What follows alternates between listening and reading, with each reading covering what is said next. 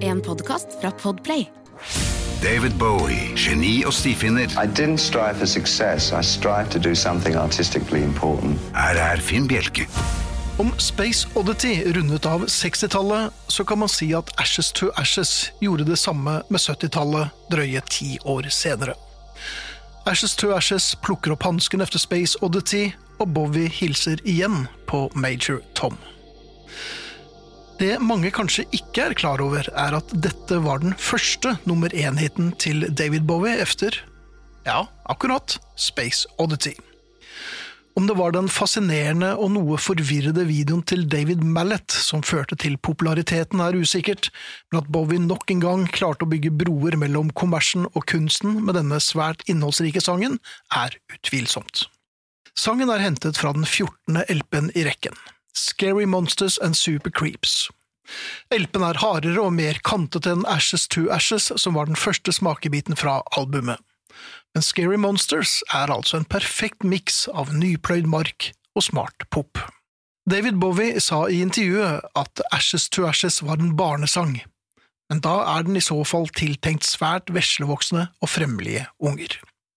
For maken til billedbruk og subtekst i en poplåt skal man lete lenge efter. Når jeg leser teksten igjen i dag, så opplever jeg nok en gang at ordene renner mellom hendene mine som finkornet sand.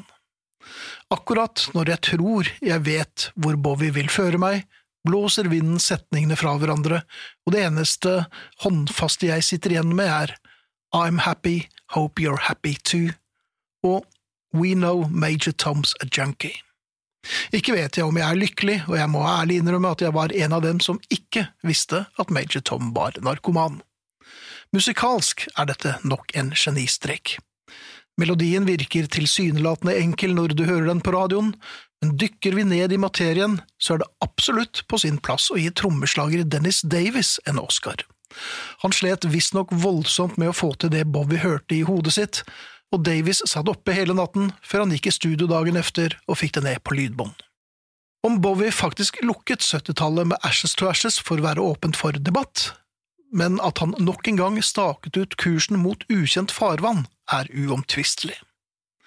Neste utgivelse var nemlig en samling Bertolt Brecht-sanger. Det var heldigvis umulig å gjette hva som ville komme. Her er Bowie med Ashes to Ashes, og fremdeles får jeg frysninger.